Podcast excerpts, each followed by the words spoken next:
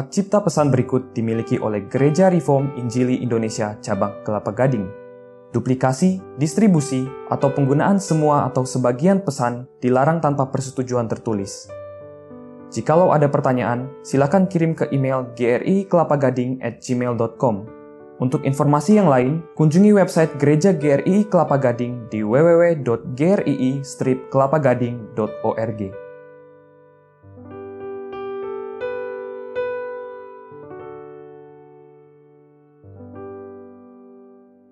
Mari kita melanjutkan pembahasan dari Injil Yohanes. Kita membaca pasal yang pertama, kita masih di dalam pasal yang pertama. Kita membaca ayat ke-29 sampai dengan yang ke-34. Saya membaca bagian naratornya, sudah membaca bagian kalimat langsung dari Yohanes Pembaptis. Pada keesokan harinya Yohanes melihat Yesus datang kepadanya dan ia berkata,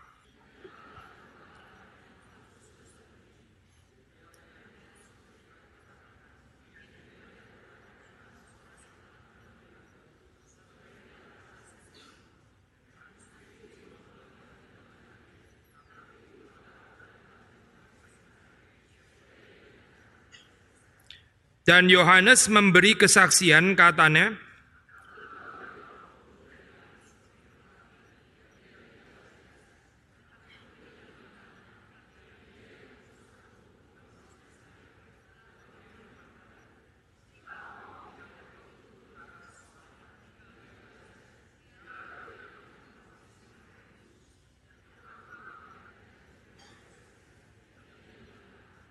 Mari kita berdoa, kita minta kehadiran Tuhan.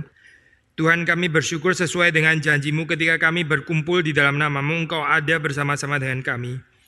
Kami memegang janji Tuhan dan kami percaya Engkau sungguh-sungguh hadir di tempat ini, menyelidiki hati kami, pikiran kami. Kami berdoa supaya firman Tuhan bekerja dengan leluasa di dalam rohmu yang kudus yang berkuasa untuk meyakinkan kami akan kebenaran kelimpahan firman Tuhan. Hidupkanlah kami dengan firman-Mu dan Engkau menguduskan kami dengan kuasa firman Tuhan Supaya sekali lagi kehidupan kami boleh dibuat semakin berkenan kepada Tuhan. Tuhan yang menopang hambamu dan siap orang yang hadir pada pagi hari ini. Demi Yesus Kristus kami berdoa. Amin.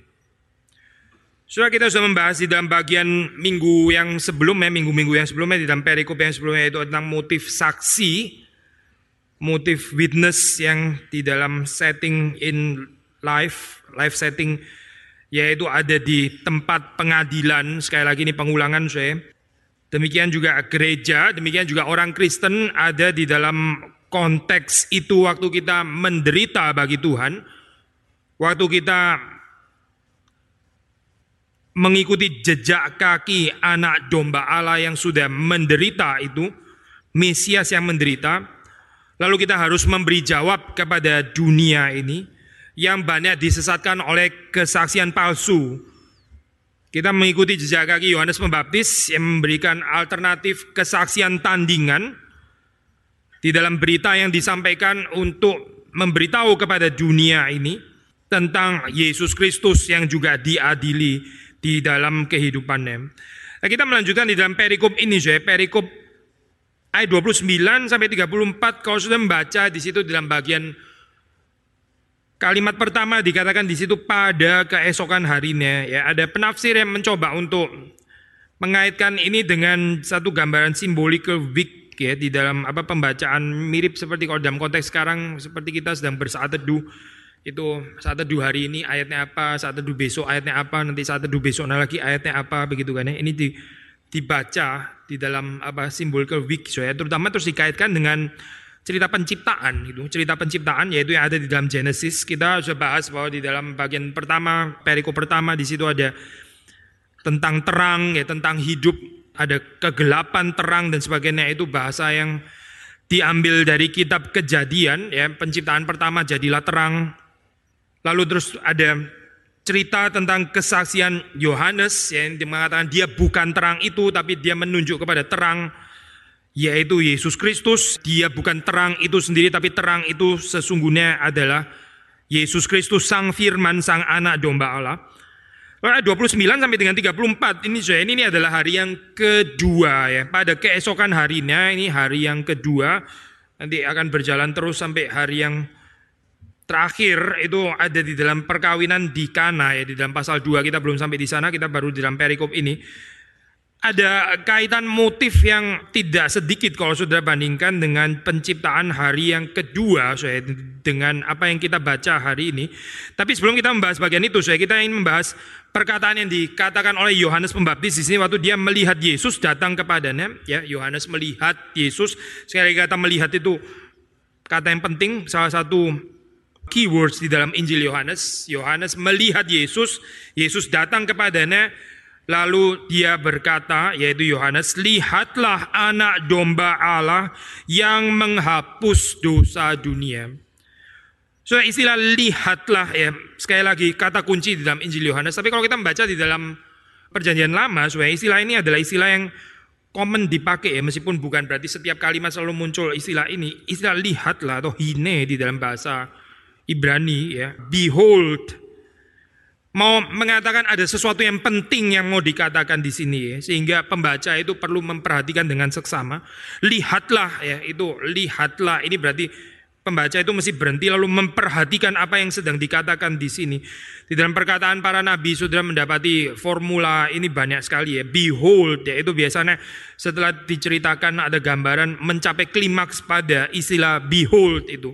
Demikian waktu kita membaca di dalam kesaksian Yohanes, kesaksian Yohanes ini mencapai klimaks memang pada kalimat ini lihatlah anak domba Allah yang menghapus dosa dunia. Setelah ini, saya kesaksian daripada Yohanes Pembaptis akan diteruskan oleh kesaksian murid-murid Yesus yang pertama mulai ayat 35 dan seterusnya. Tapi dalam bagian ini Yohanes Pembaptis memberitahu kepada kita, lihatlah anak domba Allah yang menghapus dosa dunia. Menarik, so, kalau kita melihat di dalam bagian ini sebetulnya Yohanes Pembaptis di situ dikatakan dia sendiri mula-mula tidak mengenal dia. Yohanes sendiri mula-mula pada mulanya tidak mengenal sang anak domba Allah itu. Nah ini satu penekanan yang sangat khusus ya di dalam Injil Yohanes. Ya, mungkin kita bisa masa dia sendiri yang terbesar di antara para nabi dia sendiri nggak kenal begitu ya. Tapi justru keindahannya adalah orang sebesar Yohanes Pembaptis pun bukan tanpa proses. Waktu dia mengenal sang anak domba Allah. Ini model daripada kita ya, model dari gereja. Model daripada semua manusia. Bahkan seorang Yohanes Pembaptis pun yang Yesus mengatakan yang terbesar yang dilahirkan, yang pernah dilahirkan oleh seorang ibu ya di sepanjang perjanjian lama nggak ada nabi lebih besar daripada Yohanes Pembaptis. Yesus mengatakan demikian. Dia sendiri pada mulanya tidak mengenal tidak mengenal Yesus, tidak mengenal Kristus. Itu harus terlebih dahulu dinyatakan kepada dia baru dia bisa menyaksikannya kepada orang lain. Waktu saudara membaca di dalam ayat ke-31 di situ ya dikatakan Aku sendiri pun mula-mula tidak mengenal, tetapi untuk itulah aku datang dan membaptis dengan air supaya ia dinyatakan kepada Israel. Sudah perhatikan di sini ada pergantian pergantian orang ya. Maksudnya begini saya, kalau kita baca sederhana ya, kita akan ekspektasi seperti ini. Aku sendiri mula-mula tidak mengenal dia, tetapi untuk itulah aku datang dan membaptis dengan air supaya akhirnya ia dinyatakan kepadaku, gitu kan ya. Karena dia nggak mengenal kan, akhirnya setelah dibaptis dia jadi tahu begitu kan ya. Tapi waktu kita membaca dalam ayat 31 dikatakan supaya dinyatakan kepada Israel. Bukan hanya kepada Yohanes Pembaptis, Yohanes Pembaptis sendiri pasti perlu penyataan itu, tapi penyataan itu tidak berhenti kepada Yohanes Pembaptis, tapi dinyatakan kepada Israel, saya kepada umat Allah, karena Israel juga nggak mengenal penciptanya, Israel nggak mengenal penebusnya, Israel covenantal breaker itu ya, covenant breaker itu perlu dipulihkan perjanjian dengan Allahnya dan melalui kesaksian yang benar dari seorang seperti Yohanes Pembaptis. Nah, kita sudah membahas di dalam ini ya, apa kaitan antara Injil Yohanes dengan kitab Genesis, lalu kita membaca kaitan Injil Yohanes dengan kitab Exodus ya, mungkin dalam bagian ini ya, perikop ini kaitan dengan kitab Levitikus karena di situ ada bicara tentang domba Allah, di situ bicara tentang menghapus dosa. Bahasanya Levitikus. Apa bedanya imam di dalam perjanjian lama dengan Yesus Kristus sang imam besar itu ya. Di dalam perjanjian lama juga ada imam besar, tapi imam besar dalam perjanjian lama pun waktu dia mempersembahkan korban tebusan itu dia sendiri mesti menyucikan dirinya terlebih dahulu baru dia dianggap layak lalu kemudian dia bisa baru mewakili umat mewakili Israel ya untuk didamaikan dengan Allah melalui korban penebusan itu. Bedanya dengan Yesus adalah Yesus bukan hanya iman yang mempersembahkan domba, tapi dia sendiri adalah domba itu sendiri. Sekali lagi saya, Yesus adalah imam besar, dia mempersembahkan korban dan korbannya adalah dirinya sendiri. Itu nggak ada di dalam perjanjian lama so, di dalam perjanjian lama nggak ada imam satupun bahkan imam besar yang layak untuk mempersembahkan dirinya sendiri sebagai korban penebus dosa Menarik saya kalau kita membaca di dalam katekismus Heidelberg yaitu memahami tentang fungsi imam di dalam Yesus karena kita percaya Yesus nabi, imam, raja itu semua bukan cuma ditinggal di dalam diri Yesus tapi di-share kepada jemaatnya. Kita orang-orang pengikut Kristus ini, orang-orang yang percaya kepada Yesus Kristus menjalankan fungsi imam, raja dan nabi. Kita sudah singgung ini di dalam bagian yang sebelumnya ya. Sekali lagi saya Heidelberg Katekismus mengatakan kita mengikuti jejak Kristus. Kita adalah imamat rajani atau rajawi ya, waktu kita mempersembahkan tubuh kita, mempersembahkan kehidupan kita ya, persis seperti Kristus. Kristus mempersembahkan dirinya sendiri untuk menjadi korban itu ya. Kita sendiri juga mempersembahkan kehidupan kita sendiri di atas mezbah menjadi korban seperti Kristus. Ini nggak ada di perjanjian lama, saya. Sekali lagi ya Perjanjian lama itu pakai domba untuk dipersembahkan. Bukan mereka yang mempersembahkan diri mereka nggak layak. Kita pun juga nggak layak. Tapi Kristus di dalam Kristus kita dilayakkan bukan hanya untuk menerima sang anak domba Allah yang sudah menghapus dosa kita, dosa dunia, tapi diundang, kemudian kita sendiri diundang untuk mempersembahkan kehidupan kita juga seperti domba Allah, seperti Kristus yang mempersembahkan dirinya sendiri. Orang Kristen yang hidupnya nggak berserah itu bukan Kristen, saya. Orang Kristen yang hidupnya nggak mempersembahkan diri kepada Tuhan itu bukan orang Kristen. Karena itu bukan cerita domba Allah yang kita baca di dalam Alkitab. Orang Kristen yang cuma mau penggantian Yesus mati di atas kayu salib ya biar Yesus yang naik di atas kayu salib memang dia sudah naik. Lalu dia adalah menjadi korban untuk saya terus cuma berhenti di sini saya ini bukan gambaran di dalam Alkitab. Di dalam Alkitab nggak berhenti di situ saya di dalam Alkitab kita diundang untuk berpartisipasi di dalam kehidupan Kristus. Sama seperti Kristus yang menderita sama seperti Kristus yang adalah anak domba Allah kita juga akan mati seperti Kristus meskipun bukan berarti semua orang akan mati martir seperti Kristus, nggak semua orang diberikan privilege itu. Tapi nggak ada satu orang pun pengikut Kristus yang dikecualikan daripada panggilan untuk menderita, untuk menjadi sacrifice, ya, living sacrifice. Kita Roma mengatakan seperti itu, saya, living as a living sacrifice sebagai satu persembahan yang hidup di hadapan Allah. Yesus menghapus dosa dunia dengan gambaran domba. Ya ini kalau di dalam tradisi again Exodus, Leviticus dan sebagainya itu menunjuk kepada korban persembahan tapi juga menunjuk kepada terutama the Pasha Lamb itu ya, domba Paskah. Kita tahu di dalam cerita Mesir itu waktu orang Israel diperbudak di Mesir lalu anak-anak sulung Mesir dibunuh satu persatu tapi anak-anak sulung dari orang Israel diselamatkan karena ada ada ada olesan darah di pintu ya, yang menggantikan mereka, menghapus dosa Israel, menghapus dosa dunia di sini saya, bukan cuma dosa Israel. Waktu kita baca di dalam bahasa asli, saya istilah dosa di sini ya, ini mirip dengan yang digunakan dengan uh, um, um, terminologi dari Paulus, sin uh, singular bukan plural. Whereas kalau kita baca dalam Lukas penekanannya lebih kepada sins yaitu plural, saya plural. Apa bedanya sin singular sama sins plural? Sins plural seperti yang sudah sering kita bahas di dalam Lukas yaitu penekanannya kepada dosa-dosa aktual, dosa yang dilakukan secara aktual. Maka the true redemption atau true sanctification, pengudusan yang sesungguhnya itu yaitu waktu orang yang melakukan dosa itu kemudian diubahkan, ditransformasi oleh Tuhan melakukan perbuatan-perbuatan baik juga secara aktual dan secara konkret. Sekali lagi saya tekanan pada deeds ya, itu perbuatan dosa, sinful deeds atau good deeds ya. Kita diubahkan dari orang-orang yang biasa melakukan sinful deeds ya, concrete deeds ya, perbuatan-perbuatan menjadi orang-orang yang melakukan perbuatan-perbuatan baik yang dilakukan di hadapan Allah. Itu penekanan harma teologi, harma teologi di dalam kitab Lukas ya, itu doktrin dosa di dalam kitab Lukas. Penekanannya kepada perbuatan-perbuatan konkret, entah perbuatan dosa yang konkret atau perbuatan baik yang konkret. Tapi waktu kita membaca di dalam tulisan Paulus, etis ada penekanan seperti itu dan ini sangat mirip dengan apa yang ada di dalam Yohanes membicarakan sin bukan dalam pengertian plural, tapi singular. Maksudnya the power of sin, sin the nature of sin yang membuat seluruh dunia itu akhirnya corrupted. Ini yang dihapus oleh sang anak domba Allah. Tentu saja waktu mengatakan kalimat demikian ini bukan berarti sang anak domba Allah tidak menghapus dosa setiap pribadi. Bukan itu poinnya karena itu sangat misleading tafsiran seperti itu ya. Tapi di dalam pengertian yang dihapus itu adalah kuasa dosa yang ada di dalam dunia ini. Dunia yang sudah berdosa, yang dicemari oleh dosa. Ya, kalau kita membaca di dalam surat Yohanes dikatakan dunia dan segala keinginannya itu akan menjumpai kebinasaan, akan lenyap dunia dan semua desire-nya itu akan lenyap, akan binasa. Tetapi orang yang melakukan kehendak Allah hidup selama-lamanya. Dan di sini dosa mencemari dunia. Dunia sering kali digambarkan secara negatif ya di dalam Injil Yohanes ya. Kamu bukan berasal dari dunia ini. Dunia adalah dunia yang membawa kita jauh dari Allah, dunia yang merupakan musuh Allah. Tapi dunia yang sama juga adalah dunia yang dikasih oleh Tuhan. Ya, karena begitu besar kasih Allah akan kosmos, akan dunia ini.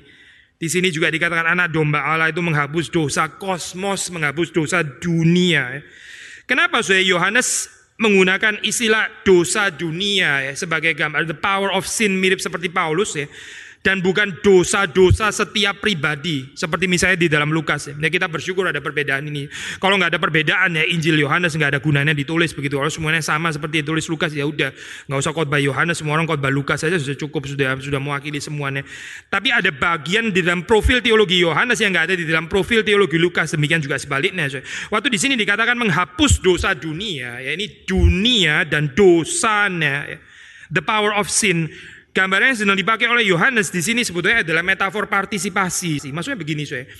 Kita sebagai manusia ini kita ada dua pilihan. Either kita ikut berpartisipasi dengan cerita dunia dan dosa-dosanya itu ya dosa dunia ya berpartisipasi di dalam cara kehidupan dunia atau kita berpartisipasi di dalam natur ilahi seperti yang ada pada kehidupan Kristus participation in the world atau participation in the life of Christ.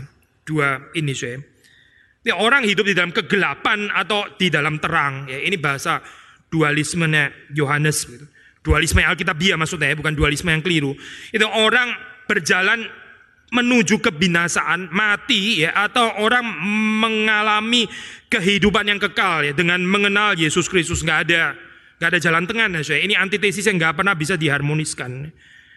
Dosa dunia itu dihapus di dalam pengertian apa saya? Supaya kita nggak perlu lagi, kita tidak harus berbagian di dalam cerita dunia ini. Karena dosa dunia ini sudah dihapus oleh sang anak domba Allah. Kekristenan itu bukan bukan memberitakan kita ini berdosa, lalu kemudian diampuni, terus setelah itu kita kalau mati kita yakin pasti masuk surga. Gambaran kayak begitu saya sangat reduktif karena nggak menekankan bagaimana orang Kristen bisa bebas dari kuasa dosa di sini dan sekarang. Kita nggak menyangkali kalimat tadi ya, maksudnya itu betul. Tentu saja kalau kita mati, kita akan masuk surga bertemu dengan Yesus. Tapi gambaran kayak begini bisa sangat membahayakan saya, menggeser kekristenan hanya ke dalam dunia yang akan datang dan nggak peduli dengan dunia yang di sini dan sekarang. Maksud saya adalah Yesus menghapus dosa. Maksudnya apa sih? Yesus menghapus dosa. Saya sejelek apa pun nanti pada akhirnya toh masuk surga juga. Pada akhirnya saya akan bertemu dengan Yesus dan gak masuk neraka. Kenapa? Karena saya percaya dosa saya sudah diampuni oleh Tuhan. Tapi ini saya kalimat menghapus dosa ini nggak nggak dihayati di sini dan sekarang. Saya ambil contoh sederhana saya. Banyak orang Kristen di dalam kehidupan ini nggak merasa dosa itu persoalan terbesar di dalam kehidupannya. Ada orang di dalam kehidupan berkeluarga, saya. mereka bukan pikir persoalan terbesar itu bukan dosa. Persoalan terbesar adalah mungkin gaji kepala keluarga ini kurang tinggi. Atau gaji istri kok lebih tinggi daripada suami, begitu misalnya. Itu jadi persoalan, saya. Ada orang persoalannya lain lagi, persoalan bergumul dengan sakit penyakit ya. Buat mereka persoalan paling besar itu kesehatan, kesehatan. Bukan dosa, tapi kesehatan. Ada orang berpikir lain lagi, saya. Misalnya ambil contoh ini, ambil contoh berbagai macam sfer ya, di dalam kehidupan manusia, bukan cuma di dalam keluarga, ya, di dalam education gitu misalnya. Kita bisa bicara dong, education di Indonesia ini persoalannya apa? So? Persoalannya apa? So? Education di Indonesia. Orang bisa jawab ya, karena kita infrastrukturnya kurang bagus kali ya, perpustakaannya kurang lengkap, banyak dicolong lah dan sebagainya, ataupun sudah ada juga nggak di, nggak dipakai dan sebagainya. Saya pernah baca satu artikel, nggak tahu ya kebenaran ini artikel sekarang sudah tahu siapa pun bisa tulis artikel gitu ya. Tergantung ini medianya, media beneran atau media apa gitu. Tapi ada ada artikel coba membandingkan, saya nggak tahu ya sekali lagi ya ini ini benar atau enggak, sudah mesti selidiki lebih lanjut lagi. Ini bukan firman Tuhan, ini cuma cerita gitu. Konon katanya infrastruktur pendidikan di Indonesia itu bisa cukup bersaing dengan negara-negara di Eropa termasuk kayak di Jerman dan sebagainya. Perpustakaan dan sebagainya. Katanya ya, katanya gitu. Tapi tetap nggak ada pembaca. Nggak ada pembaca. Infrastruktur ada, tapi pembacanya nggak ada begitu ya. Salah satu rekan kita ya pergi ke perpustakaan nasional, lihat orang baca buku tebel sekali sudah buku tebel. Tapi bukan baca, sambil gini sambil lihat-lihat yang lain Orang lain sedang lihat dia nggak bawa buku tebel gitu. Bukan baca, saya lihat orang lain ada saya orang jaga image kayak begitu juga saya Pak. Terus habis itu selfie sekalian gitu ya, baca buku tebel. Kenyataannya nggak pernah baca gitu. Kenyataannya adalah ya ini saya, kenyataannya cuma pegang buku tebel yaitu toh gitu. Dan di perpustakaan gitu. Ada fasilitas, ada apa tapi tapi nggak dipergunakan. Gitu. Lalu orang bilang persoalan di dalam pendidikan di Indonesia karena kurang buku lah, kurang ini dan sebagainya. Mungkin enggak sih. Kalau kita konsisten dengan kalimat yang ada di dalam firman Tuhan, persoalan di dalam semua sfer kehidupan manusia, sfer apa pun itu adalah dosa. Evangelical theology, so, never tired menekankan hal ini lagi dan lagi dan lagi dan lagi. So, persoalan terbesar di dalam seluruh aspek kehidupan manusia itu adalah dosa, so, bukan yang lain.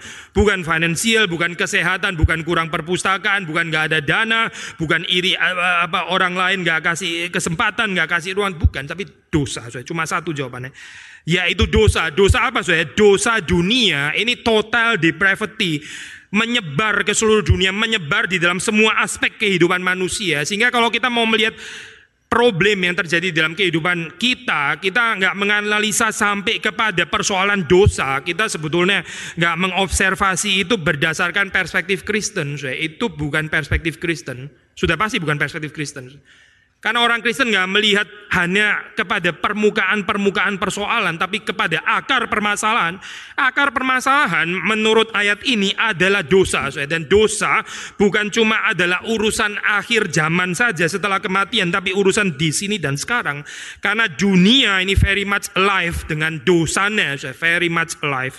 Sangat hidup, ya, hidup menurut mereka, menurut Alkitab sih mereka mati begitu ya tapi hidup di dalam pengertian membawa manusia ke dalam kematiannya. Anak domba Allah ini menghapus dosa dunia supaya kita nggak harus berpartisipasi dengan cerita cerita dunia dan keberdosaannya, tapi kita boleh menjalani cerita kehidupan Kristus sang anak domba Allah. Cerita apa, sih? Ya ini cerita domba, sih. Domba. Biasanya kalau kita bicara tentang domba, Eh, kita sedikit dipengaruhi atau sedikit banyak dipengaruhi oleh teologi Crucis Luther ya domba. Itu gambaran binatangnya ini ada ada ayat Alkitabnya juga soal tradisi saya misalnya seperti domba yang kelu gitu ya. Taat sepenuhnya dibantai di tempat sembelihan tidak berdaya seperti Yesus tersalib ya. Mati di sana ya. Total sepenuhnya berserah. Bukan kepada Pontius Pilatus bukan kepada pemerintahan Romawi, ya, tapi kepada Bapa yang di sorga. Tapi orang yang sering kali lupa saya gambaran domba yang ada di dalam kitab Wahyu dan sebenarnya bukan cuma kitab Wahyu tapi di dalam Judaisme juga sebetulnya lumayan akrab ya gambaran itu ya gambaran domba sebagai gambaran yang powerful. Saya kalau sudah membaca di dalam kitab Wahyu di situ ya, the Lion of Judah itu singa dari Yehuda. Ya. Lalu terus kemudian ada perubahan motif itu menjadi domba ya, domba yang disembeli. Ada orang yang menafsir itu seperti kayak dari singa terus mendadak jadi domba ya. Seperti kayak zaman gambaran powerful menjadi terus gambaran power. Sebetulnya tidak soalnya karena kalau sudah baca di dalam kitab Wahyu itu domba dengan tujuh tanduk with the seven horns. Itu gambaran immense strength soalnya. bukan gambaran kelemahan tapi gambaran kekuatan. Sekali lagi soalnya. Domba itu gambaran di dalam Alkitab motif domba. Ini pengertiannya bukan cuma uh, weakness, memang aspek weakness ada gitu ya.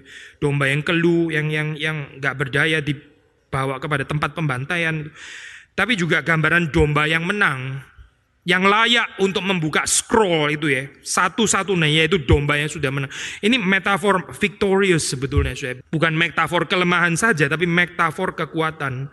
Nah kalau kita combine kedua gambaran ini saya ya balik lagi kepada teologi crucis itu ya. Kekuatan yang sesungguhnya di mana saya kekuatan the true power itu apa saya true power ya ini di dalam gambaran pengorbanan sebetulnya seperti domba Allah yang disembeli orang Kristen yang rela menderita bagi Tuhannya itu powerful, orang the true powerful persons, yaitu mereka yang berani menderita bagi Kristus. Kelemah lembutan, ya itu bukan kelemahan, saya itu kekuatan, kekuatan. Kelemah lembutan itu power, saya bukan weakness. Tapi dalam bahasa Indonesia pakai istilah lemah, lembut begitu ya. Itu istilahnya agak sedikit kurang beres gitu ya. Tapi kita nggak ada istilah lain. Bahasa Inggris pakai istilah meek and gentle. Mungkin gak jauh beda ya, istilah meek itu meek. Ya meek, sudah tahu ya istilah meek, gentle. Oke gentle ada gentleman, gentle ya gentleman oke lah lumayan keren gitu ya.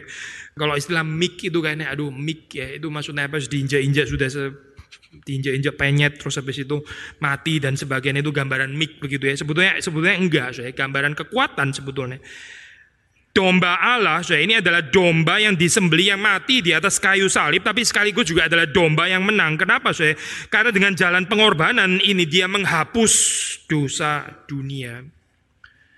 Menghapus dosa dunia, gambaran kemenangan terhadap dosa, gambaran kemenangan terhadap dunia. Ya. Kalau sudah membaca di dalam Injil Yohanes, inilah iman kita, ya. iman ini melampaui dunia ini. Ya Iman yang melampaui, yang overcome the world. Melampaui, mengalahkan dunia ini. Gambaran peperangan. Tapi yang berperang siapa? Domba. Yang berperang domba. Domba yang ada tanduk tujuh. Ya, yang mengalahkan dosa dunia ini. Kita dipanggil untuk berpartisipasi dalam cerita yang sama. Waktu kita membangun konsep kekuatan, konsep power, konsep kebesaran, kuasa, dan sebagainya. Menurut cerita anak domba Allah bukan menurut cerita dunia ini. Yohanes kemudian mengatakan dalam ayat 30, dialah yang kumaksud ketika aku katakan kemudian daripadaku akan datang seorang yang telah mendahului aku, sebab dia telah ada sebelum aku. Ya, kita sudah pernah bahas ini, so. Dari perspektif orang pada zaman dulu itu Yesus kan belakangan suksesornya Yohanes. Yang namanya suksesor itu nggak pernah lebih dulu, nggak pernah lebih besar daripada yang mendahului. Sekali lagi saya, yang namanya suksesor itu nggak pernah lebih besar daripada yang mendahului begitu kan ya. Kalau kita bilang ini Calvin, ini penerusnya Calvin ya udah Calvin penerusnya begitu ya.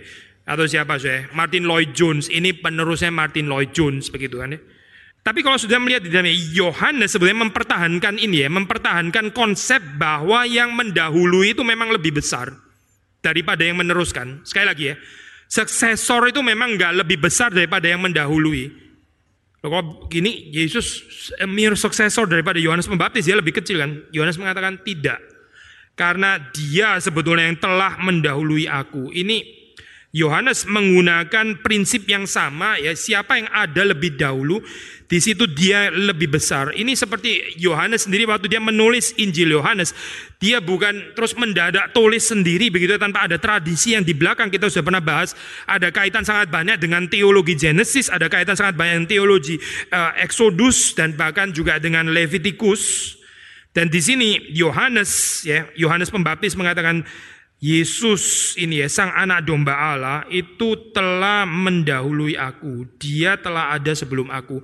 Waktu Yohanes, Yohanes penginjil, Yohanes penulis daripada Injil ini mengatakan di dalam ayat yang pertama, pasal pertama pada mulanya adalah firman, firman itu bersama-sama dengan Allah, firman itu adalah Allah. Dia sudah tahu bahwa dia akan memakai statement ini ya, untuk menyatakan kebesaran Yesus, kebesaran Sang Firman, Sang Anak Domba Allah yang melampaui Yohanes Pembaptis. Ini enggak taken for granted, saya sekali lagi di dalam zaman itu ya ada penganutnya Yohanes Pembaptis. Yohanes Pembaptis itu pengkhotbah yang sangat berkarisma dan pengikutnya banyak sekali dari semua lapisan begitu ya. Orang nggak bisa debat bahwa ini somehow memang adalah orang yang diutus Tuhan. Karena dia nggak mencari muka, dia memberitakan kebenaran. Bahkan seorang Herodes pun mengakui otoritas Yohanes meskipun dia juga nggak terlalu senang sebetulnya ditegur. Gitu. Serba sulit, dilematis kan, memposisikan diri di hadapan khotbah Yohanes ini sebetulnya bagaimana ya si Herodes maksudnya. Demikian juga orang-orang Farisi, demikian juga serdadu serdadu Romawi itu menjadi audiens daripada Yohanes Pembaptis seseorang yang betul-betul besar saya dan Yesus sebetulnya secara historical di dalam cerita dunia ini kan tanda kutip sekedar melanjutkan ya meneruskan pekerjaan daripada si Yohanes yang berkarisma ini kan ya. Tapi Yohanes penulis Injil mengatakan Yesus ada sebelum Yohanes Pembaptis. Bukan Yohanes Pembaptis yang mendahului sang Mesias, yang mendahului sang anak domba Allah, tapi firman ini yang mendahului Yohanes Pembaptis karena sudah ada sejak dari kekekalan. Ayat 31 tadi kita sudah mengantisipasi ya. Yohanes Pembaptis pun mula-mula tidak mengenal dia. Tapi kemudian dia akhirnya mengenal. Mengenal melalui apa saya? Melalui membaptis Yesus itu. Saudara boleh bandingkan dengan akun ini ya, akun yang lain dari uh, Lukas, dari Matius, dari Markus. Ini ini sangat khas Yohanes. Ya. Sudah bisa tanya pertanyaan yang sama ya. Sebenarnya Yohanes Pembaptis membaptis Yesus itu apa alasannya? Apa itu alasannya? Raison d'être orang Prancis bilang itu reason the reason of being itu apa sebetulnya kenapa Yohanes mesti membaptis Yesus kalau saudara baca ini apa uh, uh, Injil Lukas Injil Matius ya Injil Yohanes jawabannya lain saya uh, di dalam Matius misalnya ada percakapan antara Yesus dan Yohanes Pembaptis ya. mengapa itu apa saya membaptis kamu, bukannya saya yang harus dibaptis kamu, begitu kan ya? Ada kesungkanan daripada Yohanes Pembaptis. Jawaban kita membaca di dalam Injil Matius. Ya. Supaya apa, saya? Supaya all righteousness itu digenapkan. Ini ada kaitannya sama Torah teologi. Torah ya, Yesus sebagai yang sepenuhnya submit kepada Torah dan menjalankan all righteousness. Itu jawaban Matius ya. Waktu kita membaca dalam jawaban Yohanes, Injil Yohanes, Yohanes nggak menekankan bagian itu. Yohanes perspektifnya adalah supaya apa? Supaya Yohanes yang tadinya tidak mengenal dia akhirnya bisa mengenal inilah anak domba Allah dan kemudian anak domba Allah itu boleh dinyatakan kepada Israel. Saudara bandingkan sama akun Markus ya. Markus itu pakai messianic secret motif. Jadi kemesiasan Yesus itu disembunyikan ya. Waktu Yesus melakukan mujizat dan selalu disembunyikan itu. Disembunyikan kenapa saya? Karena belum sampai kepada salib belum sampai kepada salib dan kebangkitan, maka Yesus melakukan mujizat itu disembunyikan oleh Markus. Itu messianic secrecy teori menurut Injil Markus. Tapi saudara baca di dalam Injil Yohanes nggak ada messianic secrecy teori, nggak ada. Saudara. Yang saudara baca di sini justru supaya sang anak domba Allah itu dinyatakan kepada Israel. Tapi dinyatakan lalu terus bagaimana? Saudara? Apakah otomatis orang pasti menerima? Tidak, saudara. tidak. Seperti kita sudah pernah bahas terang itu waktu dipancar, ada memang orang yang akhirnya datang kepada terang itu. Ada orang yang terganggu. Kalau nggak percaya lagi tidur begitu ya, tiba-tiba nyalain lampu gitu ya, pasti kena amuk sama orang tidur gitu. Kalau dia sempat ada apa kena cahaya dan sebagainya. Tapi ini bukan terutama bukan metafor tidur lah saya. Boleh juga pakai metafor tidur karena manusia itu suka tidur di dalam kegelapan itu. Tidur di dalam dosa. Ya. Orang yang tidur di dalam dosa waktu dapat cahaya saya itu terganggu sekali. Lebih enak tidur di dalam kegelapan itu. Saya bukan berarti sekarang mulai sekarang orang reform sebaiknya tidur lampu nyala semua. Bukan itu saya poin saya. Ini kan bahasa simbolis maksudnya begitu kan ya. Ini bukan tentang literal understandingnya bukan itu. Tapi di dalam Injil Yohanes ya, memang dikatakan waktu terang itu menyinar, menyinari. Enggak enggak semua orang datang kepada terang. Saya ada yang ada yang terganggu dengan terang. Karena terang itu membongkar ya, kegelapan hati manusia itu terbongkar karena adanya terang itu. Waktu firman Tuhan diberitakan selalu membawa kepada dua respons. Waktu Injil diberitakan selalu membawa kepada dua respons. Ada satu respons orang datang kepada kebenaran itu, ada orang kemudian justru semakin membenci kebenaran. Justru karena kebenaran diberitakan semakin membenci terang karena terang disinarkan. Jadi di sini waktu dikatakan supaya ia dinyatakan kepada Israel. Sebagian Israel akan menerima, sebagian Israel akan menolak, sebagian Israel membenci terang itu. Tapi terang akan terus dipancarkan dan kita dipanggil untuk memancarkan terang itu. Kemudian ini saya yang kita maksud deh tadi kita bilang ada kaitan dengan penciptaan hari yang kedua ini sangat menarik untuk saya. Saudara jangan cocok-cocokin terus sampai hari pertama terang, oh iya terang ketemu ya ada terang-terang. Hari kedua, oh iya ketemu ntar hari ketiga saudara cocokin satu-satu begitu ya nanti jadi teologi esoterik itu hati-hati gitu bukan jadi kekristenan tapi jadi esoterisme ntar. Uh, tapi at least di dalam penciptaan yang kedua karena ini hari kedua saya ayat 29 sampai 34 ini di dalam symbolical week ini pembacaan hari yang kedua ya di sini ini kesaksian Yohanes hari yang kedua. Kalau sudah baca kaitannya dengan penciptaan hari kedua, saya itu banyak ikatan motif sebetulnya di situ ya. Sudah tahu penciptaan hari kedua itu apa? Apa yang terjadi pada hari kedua kalau kita baca di dalam Genesis? Itu Tuhan memisahkan air dari air ya. Jadi air itu dipisahkan, ada air yang di atas, ada air yang di bawah. Sebelum nanti ada pemisahan antara air dan daratan air dan air. Ya. Lalu Tuhan memberikan pemisahan air yang di atas dan yang di bawah. Lalu pemisahan itu namanya apa sih? Alkitab pakai istilah itu namanya heaven. Itu namanya langit. Langit itu memisahkan air yang di atas dan air yang di bawah di dalam kosmologi Israel. Lalu kita tahu di dalam cerita air bah ya, itu Tuhan membuka tingkap-tingkap heaven, tingkap-tingkap langit ya karena Tuhan menyesal setelah menciptakan manusia, dia luar biasa sedih. Seperti mau mengurungkan ciptaan itu seperti kayak apa ini saya? Ya kalau di gadget ini namanya, namanya tekan apa itu reset to factory setting begitu kan ya. Semuanya dibalik lagi tekan tombol, balik lagi cancellation of creation. Karena waktu Tuhan menciptakan kan dari chaos to order ya, dari kacau menjadi teratur. Sekarang terus dibikin kacau lagi sama Tuhan. Tuhan membuka langit, tingkap-tingkap di langit, lalu kemudian air itu dijatuhkan semua, lalu terjadi air bah. Waktu Tuhan menciptakan, Tuhan memisahkan ini daratan, ini lautan, begitu kan ya. Sekarang dibuka semua tingkat-tingkat langit sehingga air semua yang di atas itu turun lalu memenuhi bumi sehingga nggak ada lagi keterpisahan antara daratan dan lautan. Sekarang chaos lagi berarti kan ya. Ini chaos lagi berarti di dalam keadaan seperti cancellation of creation seperti tekan apa back to factory setting itu tadi ya. Lalu di sini saya waktu kita membaca ini ada ada kaitan motif ini ya beberapa motif yang hadir di situ waktu kita membaca kalimat aku telah melihat roh turun dari langit seperti merpati dan tinggal dan ia tinggal di atas saya. Itu ada motif air saya. Air yang tadinya turun dari atas ya, tingkap-tingkap langit dibuka itu menjadi tanda murka Allah sekarang menjadi tanda keselamatan. Yohanes membaptis ya dengan air. Itu tadi air juga kan. Air sebagai tanda murka, sekarang air sebagai tanda keselamatan. Air tanda keselamatan. Langit, ada istilah langit, di sini juga ada istilah langit. Tapi yang turun dari langit itu bukan air, air yang menyatakan ekspresi murka Tuhan, tapi Roh Kudus turun dari langit. Jadi Yohanes membaptis dengan air ya. Sebetulnya ditunjuk oleh tanda itu bukan airnya Yohanes, airnya Yohanes cuma turun dari tangannya dia begitu ya. Air turun dari tangannya Yohanes.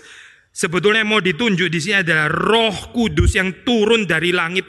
Yang dulu turun dari langit itu adalah air yang dicurahkan oleh Tuhan sebagai ekspresi murkanya, cancellation of creation. Tapi kemudian di sini dikatakan Roh Kudus turun dari langit seperti merpati. Menarik, ini dove. Kalau saudara ketemu merpati, sudah menafsir merpati, ya, membaca Alkitab ada merpati, sudah kira-kira spektrum of meaningnya apa gitu. Orang pikir merpati apa sih? Merpati ya tulus gitu misalnya, ya, karena ada yang tulus seperti merpati, cerdik seperti ular. Itu ada dukungan Alkitabnya. Jadi merpati sudah connect dengan istilah tulus, konsep tulus. Oke, itu biblical juga. Gitu. Merpati itu sih. Kalau kita balik lagi di dalam account Genesis ya, Genesis catatan di situ. Uh, sekali lagi ya, cerita air bah. Sudah membaca di situ waktu waktu Nuh dan sekeluarganya itu terapung-apung di atas air ya. Kemudian dia memastikan itu daratan ini sudah turun atau dia dia dia lepas merpati, cuy. Dia lepas merpati.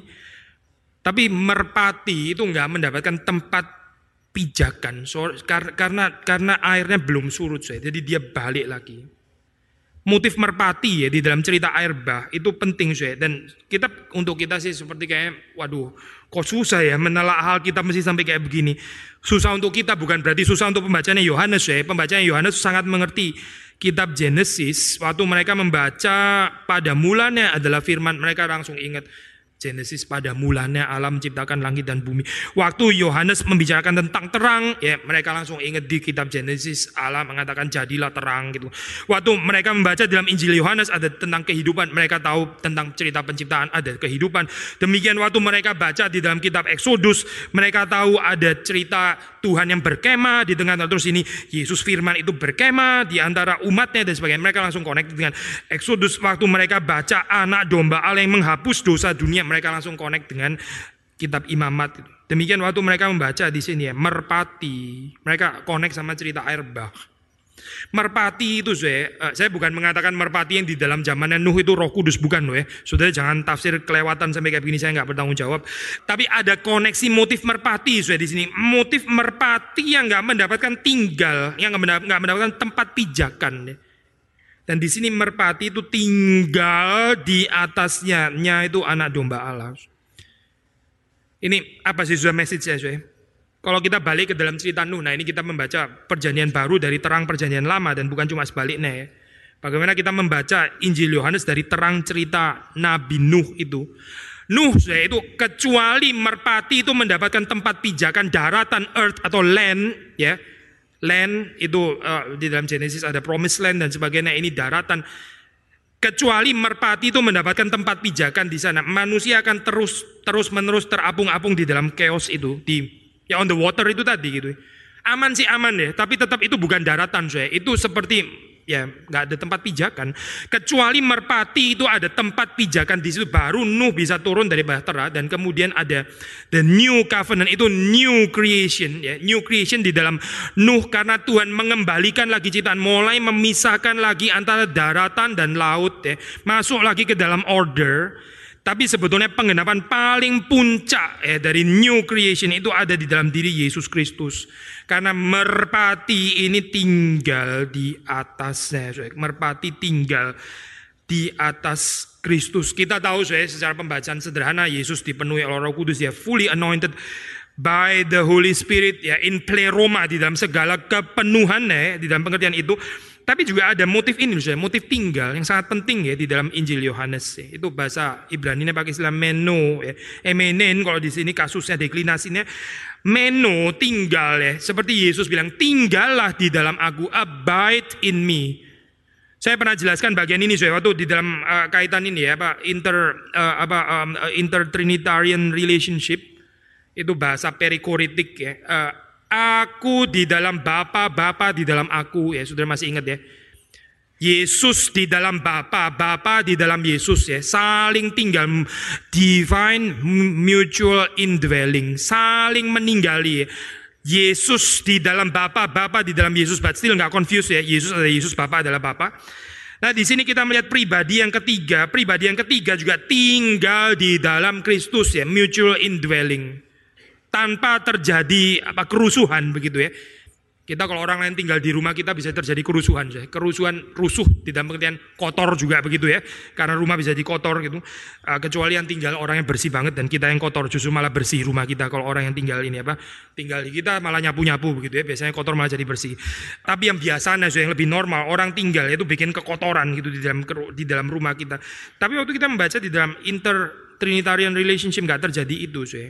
Ini saling meninggali, saling meninggali dan nggak menggeser, nggak menggeser, nggak menggusur, tapi ada true relationship. Ini ini besar, karena Yesus sendiri mengundang kita ya, tinggallah di dalam aku, tinggallah di dalam aku dan Yesus sendiri juga mau tinggal di dalam kita. Kita bisa melihat ini di dalam berbagai macam perspektif, at least dua lah paling sedikit ya. Kita bisa memparalelkan diri kita dengan Kristus atau dengan Roh Kudus. Ya. Paulus nih saya mengatakan ya, kita ini adalah bait Allah, Roh Kudus tinggal di dalam kita. Memang Paulus ya, bukan Yohanes ya, tapi Paulus. Ya kita pakai sekarang ini ya gambaran keseluruhan biblical teologi. Eh, Roh Kudus tinggal di dalam kita seperti Roh Kudus tinggal di dalam Kristus. Ini. Roh Kudus tinggal di dalam kita seperti Roh Kudus tinggal di dalam Kristus. Ini paralel antara kita dan Yesus. Yesus adalah model kehidupan kita. Tapi kita juga bisa memparalelkan diri kita, maksudnya gereja dengan Roh Kudus. Di dalam pengertian apa? Karena Roh Kudus tinggal di dalam Kristus atau apalagi kalau merpati ini tadi ya. Merpati itu ya nggak mendapatkan tempat perhentian kecuali berhenti di dalam ini bukan di, di tanah daratan tadi ya cerita Nuh, tapi di sini tinggal di dalam Yesus. Kehidupan manusia itu mengembara. So, kita ini orang yang restless ya, restless seperti kata Agustinus yang sangat terkenal. Jiwa kita ini restless, restless ya, nggak bisa berhenti. Kayak nggak masuk tanah perjanjian, terus mengembara ya, nggak selesai, gelisah. So. Insecure dan sebagainya. Kapan saya kegelisahan itu berhenti? Saya percaya Agustinus pasti sangat dipengaruhi oleh konsep Alkitab ya waktu dia mengatakan kalimat itu. Yaitu waktu berhenti di dalam Yesus. Seperti merpati ini mendapatkan tempat pijakan, ya, dia tinggal di atas sang anak domba Allah. Kita juga diundang di dalam cerita ini, saya tinggal di dalam Kristus. Orang yang nggak tinggal di dalam Kristus itu hidupnya gelisah. Dan masalah tinggal di dalam Kristus ini saya ini ini tinggal terus menerus maksudnya. Ini ajakan repetitif, ini adalah lifestyle, ini adalah satu habit of life. Bukan cuma sekali tinggal terus tinggal selama-lamanya nggak perlu lagi ngurusin tinggal dan sebagainya. Oh, kita tahu kita tinggal di rumah itu juga satu gerakan habit kan life of style ya.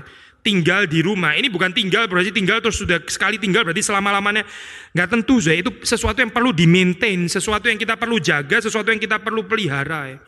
Yesus mengatakan tinggallah di dalam aku ya maka kamu akan berbuah banyak Yohanes 15 ya. Pakai kata yang sama saya meno tinggal. Waktu kita tinggal di dalam Kristus kita bukan saja menemukan true rest tapi kita bahkan berbuah banyak. Ya.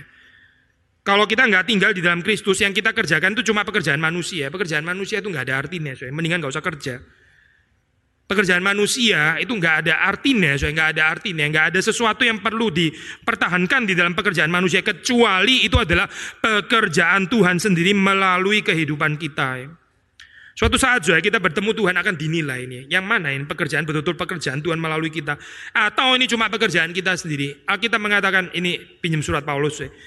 Ada orang diselamatkan tapi seperti dari dalam api. Karena waktu diuji oleh api ya semua pekerjaannya terbakar. Itulah pekerjaan manusia yang bukan pekerjaan Tuhan.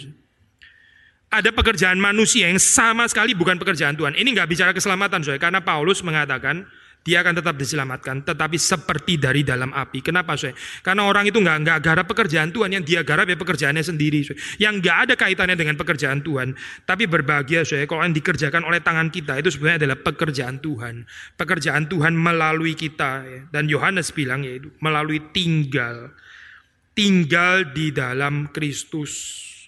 Seperti merpati itu ya, tinggal di atasnya. Roh Kudus ya, tinggal di atasnya. 33 saya dan aku pun tidak mengenalnya tetapi dia yang mengutus aku untuk membaptis dengan air telah berfirman kepadaku jika engkau melihat roh itu turun ke atas seseorang dan tinggal di atasnya dialah itu yang akan membaptis dengan roh kudus. Ini poin terakhir saya baptisan roh kudus ini sebenarnya tema besar saya kita nggak ada waktu cukup membahas ini. Seperti saudara tahu ada perdebatan di antara denominasi denominasi Kristen. Sebenarnya baptisan roh kudus itu apa gitu Baptisan Roh Kudus ada orang mengatakan baptisan Roh Kudus itu disting daripada pengalaman percaya lahir baru. Lahir baru itu lahir baru, baptisan Roh Kudus, baptisan Roh Kudus itu dua hal yang berbeda. Begitu misalnya mereka membedakan antara baptisan Roh Kudus dengan lahir baru. Ya kita di dalam teologi reform klasik kita nggak membedakan bagi kita baptisan Roh Kudus yaitu terjadi bersamaan dengan momen so lahir baru. Itu ini pinjam bahasanya Puritan ya bukan bahasanya Calvin gitu. Calvin pakai istilah regenerasi di dalam pengertian yang agak berbeda dengan kaum Puritan. Tapi later Calvinism waktu pakai istilah lahir baru di dalam pengertian itu ya pertobatan lahir baru dan sebagainya.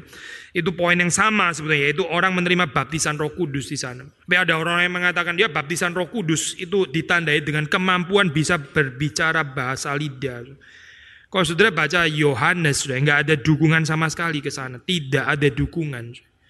Kalaupun ada mengembangkan ke sana, orang biasanya pakai tradisi Lukas ya. Lukas yang tulis Injil Lukas dan kisah para rasul, terutama kisah para rasul ya. Itu perspektifnya Lukas ya. Tapi ini pun juga perlu penafsiran yang lebih beres tentang itu ya. Apakah betul baptisan Roh Kudus itu ditandai dengan bahasa lidah? Yang pasti saya di dalam Injil Yohanes nggak ada gambaran itu, nggak ada saya. Gambaran Yohanes waktu membicarakan tentang baptisan Roh Kudus yaitu di dalam perichoretic relationship itu tadi gitu. Sama seperti Roh Kudus ya, yang tinggal di dalam Kristus. Demikian juga kita yang dibaptis Roh Kudus. Roh Kudus tinggal di dalam kita. Ini strictly Johanin perspektif. Ya. Kalau saudara baca Lukas itu ada pengertian yang melengkapi itu, tapi di dalam Yohanes Kalau sudah membaca pembicaraan tentang Roh Kudus itu di mana sih? Paling paling apa paling intens ya. Itu di pasal 14 ya, pasal 16 itu ditaruh di dalam so called farewell discourse. Ya. Cuma Injil Yohanes yang ada farewell discourse. Diskursus perpisahan ya. Diskursus perpisahan itu Yesus mempersiapkan murid-muridnya. Dia akan pergi. Dia akan pergi. Ini perkataan perpisahan. Ya, lalu dia mendoakan murid-muridnya pasal 17 ya. Pasal 14, pasal 16 dia mengatakan, aku pergi ya, tapi Parakletos akan mendampingi kamu. Jadi seperti Yesus yang berkemah ya di antara umatnya, firmannya menjadi daging, tapi dia kemudian pergi kan, terangkat ke surga. Yesus akan meninggalkan mereka. Maka sekarang Roh Kudus ya, akan tinggal bersama dengan mereka. Itu artinya dibab baptis dengan roh kudus. Nothing to do dengan bahasa lidah. Gak ada pembicaraan bahasa lidah saya di dalam Injil Yohanes gak ada. Yang ada adalah bahasa eksodus ya, bahasa Tuhan yang berkemah di tengah-tengah umatnya. Untuk kita apa artinya saya? Untuk kita artinya yaitu bagaimana kita hidup membiarkan Roh Kudus itu memimpin kita. Ya. Roh Kudus nggak kelihatan. Saya. Dulu bangsa Israel dipimpin sama tiang awan, tiang api itu kelihatan. Ya. Mungkin kita Kadang-kadang kepingin cari kehendak Tuhan mirip kayak begini ya. Lempar dadu lah atau apa. Tuhan kalau tiba-tiba di jalan saya kelihatan kucing warna ungu. Itu ya, kucing ungu itu di mana? Saya kecuali kucing kecelup tinta kali ya baru jadi warna ungu gitu. Kalau saya lihat orang pakai baju warna ungu keluar maka itu tandanya begini gitu. Itu model cari pencarian kehendak Tuhan. Seperti kayak mau di zaman Exodus lagi. Alangkah indahnya kalau kita dulu seperti orang Israel itu jelas banget dipimpin Tuhan. Kalau tiang awan, tiang api berhenti ya berarti kita berhenti. Kalau dia jalan ya kita tinggal jalan. Ini kan jelas banget. Gak mungkin salah cari pimpinan Tuhan. Karena di depan mata gitu kan ya. Itu ya menurut pemahaman kita kali ya. Menurut pemahaman nenek-nenek kita gitu.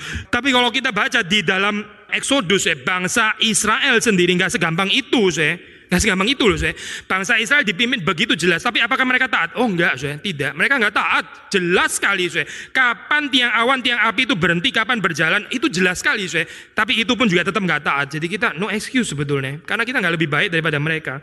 Lalu cara pengenalan pimpinan Tuhan yang seperti ini saya. So visible seperti itu ya. Buat kita kayaknya lebih gampang. Justru menurut konsep Alkitab itu gambaran kanak-kanak sebetulnya. Roh Kudus memimpin kita, Roh Kudus nggak kelihatan kan? Ini nggak nggak kita maunya dalam bentuk burung merpati gitu ya. Terus terus di jalan kepala kita gitu ya. Kalau bisa dia jalan terus kita tinggal ngikutin aja merpatinya ke mana begitu ya. Sudah bisa bayangin nih kalau Tuhan pakai cara seperti itu ya, kita mungkin lebih mirip robot kali daripada daripada manusia.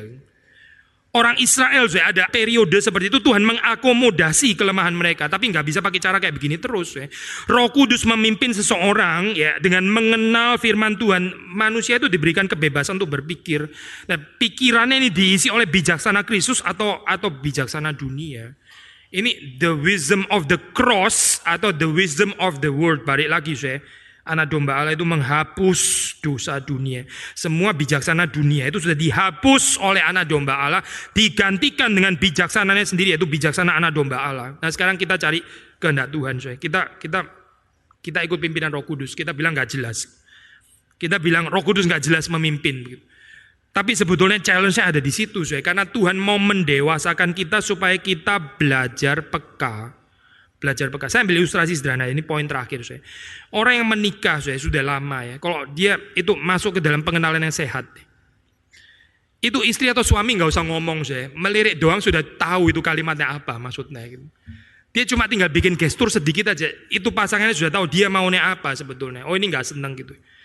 Kalau pernikahannya nggak berhasil saya, dia sudah gini-gini masih nggak ngerti juga gitu. Ya. Terus habis itu dia ngomong, eh, lu nggak mau ngomong sih kok lu nggak seneng. Aduh ini ini pernikahan yang gagal gitu namanya saya. Mesti ngomong teriak-teriak baru tahu begitu ya. Kan komunikasi nggak jalan berarti saya. Tapi kalau pernikahan yang betul-betul intim, akrab, saling mengenal ya. Cuma tangan gini doang dia sudah tahu itu artinya apa gitu. Ini seperti kayak mirip di zaman barok ya banyak simbol kok gini apa gitu ya. Mungkin jadi bahasa sandi atau apa bukan itulah maksud saya. Tapi pengenalannya so intens ya dengan dengan di dalam pernikahan itu sampai gerak-gerik sedikit apa pun sudah langsung bisa terbaca dibaca oleh pasangannya. Orang lain nggak tentu mengerti. Pasangannya langsung mengerti karena apa, Saya? Karena pasangannya mengenal dengan benar. Saya pinjam ilustrasi ini, saya untuk pergaulan kita dengan Tuhan. Tuhan nggak usah teriak-teriak kali ya, nggak usah teriak-teriak sampai kita baru tahu itu. C.S. Lewis pernah keluar kalimat terkenal itu. Waktu kita sakit itu Tuhan sedang bicara pakai corong. Gitu. Sudah pernah dengar ya kalimat ini? Manusia sakit itu Tuhan lagi bicara pakai corong, itu megafon itu. Karena kita ini saking double yang sudah dikasih tahu Tuhan tetap nggak mau nurut juga begitu ya. Tuhan bicara baik-baik, lemah lembut kita kayak budek gitu ya. Akhirnya Tuhan pakai corong, teriak akhirnya Tuhan. Teriak itu apa? Ya itu waktu kita sakit. Saya bukan berarti setiap kali sakit pasti kayak begitu ya. Jangan dibalik saya ini ya. Maksud saya adalah Tuhan bisa pakai sakit waktu Tuhan mau teriak pakai corong itu dia bisa pakai sakit penyakit. Tapi bukan berarti seluruh sakit penyakit pasti adalah teriakan corong Tuhan. Bukan itu poin saya. Nah, balik lagi saya, Tuhan nggak perlu teriak pakai corong sebetulnya. Nggak perlu pakai mikrofon ini teriak-teriak nggak perlu. Kalau kita in an intimate relationship dengan dia, tahu gerak-gerik Tuhan memimpin itu so subtle itu kita bisa mengenali. Kenapa saya? Karena kita karena kita punya kepekaan. Tadi loh, seperti suami istri tadi. Bergerak sedikit, dia langsung tahu ini apa maunya gitu. Alangkah bahagianya saya, orang yang punya kepekaan seperti itu berjalan bersama dengan roh kudus. Roh Kudus memimpin ya, nggak perlu teriak-teriak. Makanya saya gambaran Roh Kudus itu kalau digambarkan di dalam Alkitab itu indah sekali ya. Gambarnya sebetulnya lebih mirip seorang perempuan yang sangat lemah lembut ya. Sampai bisa apa itu saya? Bisa di quench. Apa itu saya? Di, di grief and quench. Bisa dipadamkan dan bisa apa? Bisa didukakan. Nggak nyambung sama gambaran maco gitu. Nggak nggak nyambung gitu. Gambaran all powerfulness nggak nggak nyambung sama Roh Kudus ya. Padahal ini juga Allah kan ya. Roh Kudus kan Allah, tapi yang digambarkan di situ ya so sensitif ya. Sampai kita itu perlu mengenal ya dengan sensitivitas baru kita bisa mengenal Roh Kudus karena Roh Kudus so sensitif. Begitu sensitif dia nggak pernah memaksa ya. Persuade iya, tapi memaksa nggak pernah. Lalu kita mesti membiarkan diri kita itu di dalam persuasi itu, di dalam bujukan Allah. Roh Kudus nggak memaksa kita, saya. Roh Kudus kalau ditolak bagaimana? Roh Kudus akan berduka cita. Ya. Dia bukan terus kemudian sekali tolak langsung terus air bah lagi. Bukan, saya. Dia akan berduka cita. Dia membiarkan dirinya seperti dipadamkan, ya. dipadamkan.